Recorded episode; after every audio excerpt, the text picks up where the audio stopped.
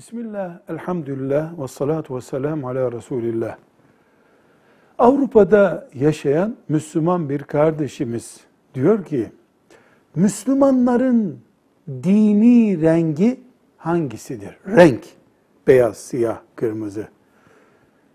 Müslüman o renge sahip olunca, elbisesi o renkten olunca, aracı o renkten olunca, ev duvarlarını o renkten boyayınca sevap kazanacağı renk hangisidir diyor. Cevap olarak diyoruz ki Müslümanın akidesi vardır, imanı vardır, salih amelleri vardır ama rengi yoktur.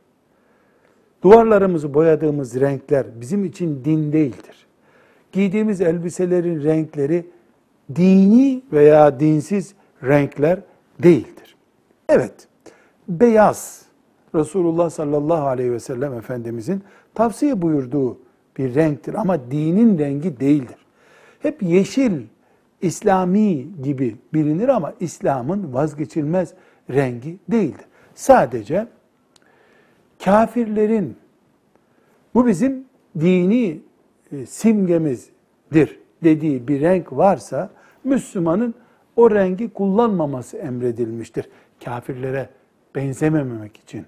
Bunun dışında Müslüman renk olmaz. Velhamdülillahi Rabbil Alemin.